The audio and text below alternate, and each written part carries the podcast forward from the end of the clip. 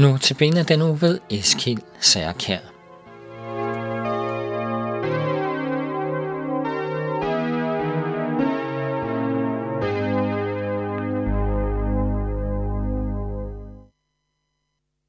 Velkommen til øh, Notabene-portrættet her på øh, Københavns Nær Radio. I teknikken sidder jeg Nørgaard, og øh, mit navn det er Viggo Vive, og så har jeg også øh, siddende her ved siden af mig næste uges Nota Notabene-holder. Det er Eskild Særkær, og jeg vil gerne byde dig velkommen i studiet her. Tak for Eskild. det.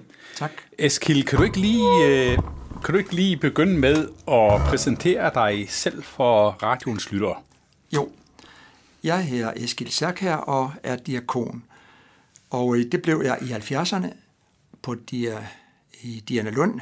Mit ønske var jo at forkynde ordet samtidig med at være, øh, være tjener ved brugerne, som der står i Apostlenes Gerning kapitel 6, og på den måde give mennesker både åndelig og, og fysisk mad, kan man sige. Og øh, siden har jeg så været, været ansat... Det er bare lige en præsentation af dig selv. Okay, Ja. det var kun en præsentation. okay. Men jeg kan spørge dig øh, lidt i relation til det, du, du sagde, for det er jo ikke aldrig sikkert, det, det er sikkert ikke alle lyttere, der ved det. Hvad er en diakon?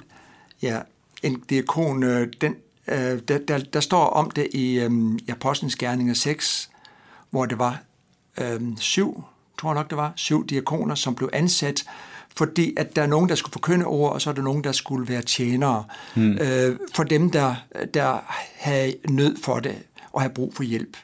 Og hvis vi læser op igen kirkehistorien, så har det faktisk været en tema hele tiden undervejs. Altså før Flora Nightingale, som vi kender, og, øh, og før, lige vil sige, den moderne hvad skal sige, sygepleje, så var der, så var der en, en masse mennesker, kristne, som ønsker at tjene. På den måde, det står også om, øh, omkring verdensdommen, hvor Jesus siger, I har gjort det og det mod mig.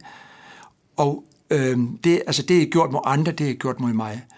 Og det er jo det, der er hvad skal man sige, hovedtemaet. Vi må gøre det for Jesus skyld, altså for at ligesom sige, at det er jo ham, vi tjener ved at gøre det. Vi skal ikke gøre det onde, vi skal gøre det gode mod mennesker. På den måde, øh, så kan de måske se vores gode gerninger og blive frelst. Men det er selvfølgelig ikke et, et, et motiv, at de skal blive frelst, men det er jo dejligt, øh, hvis de bliver det.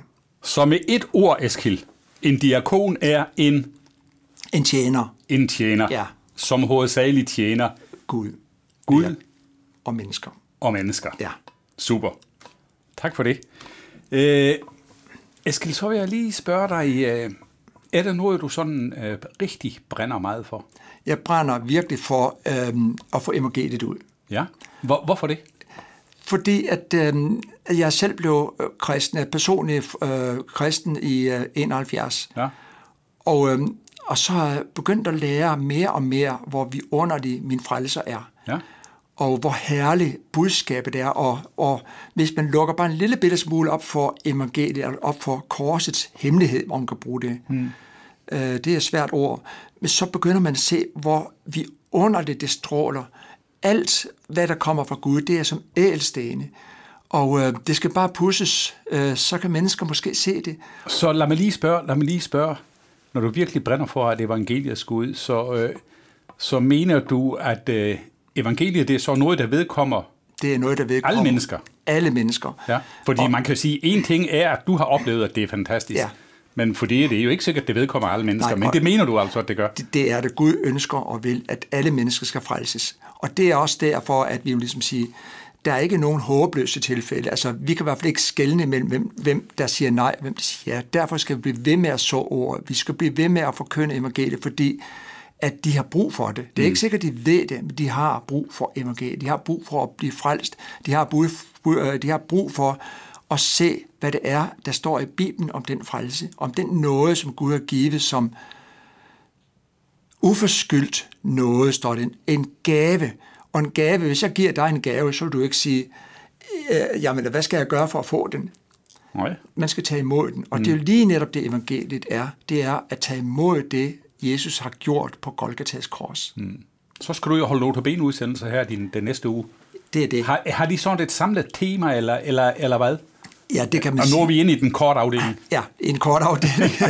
ja, det er den korte afdeling.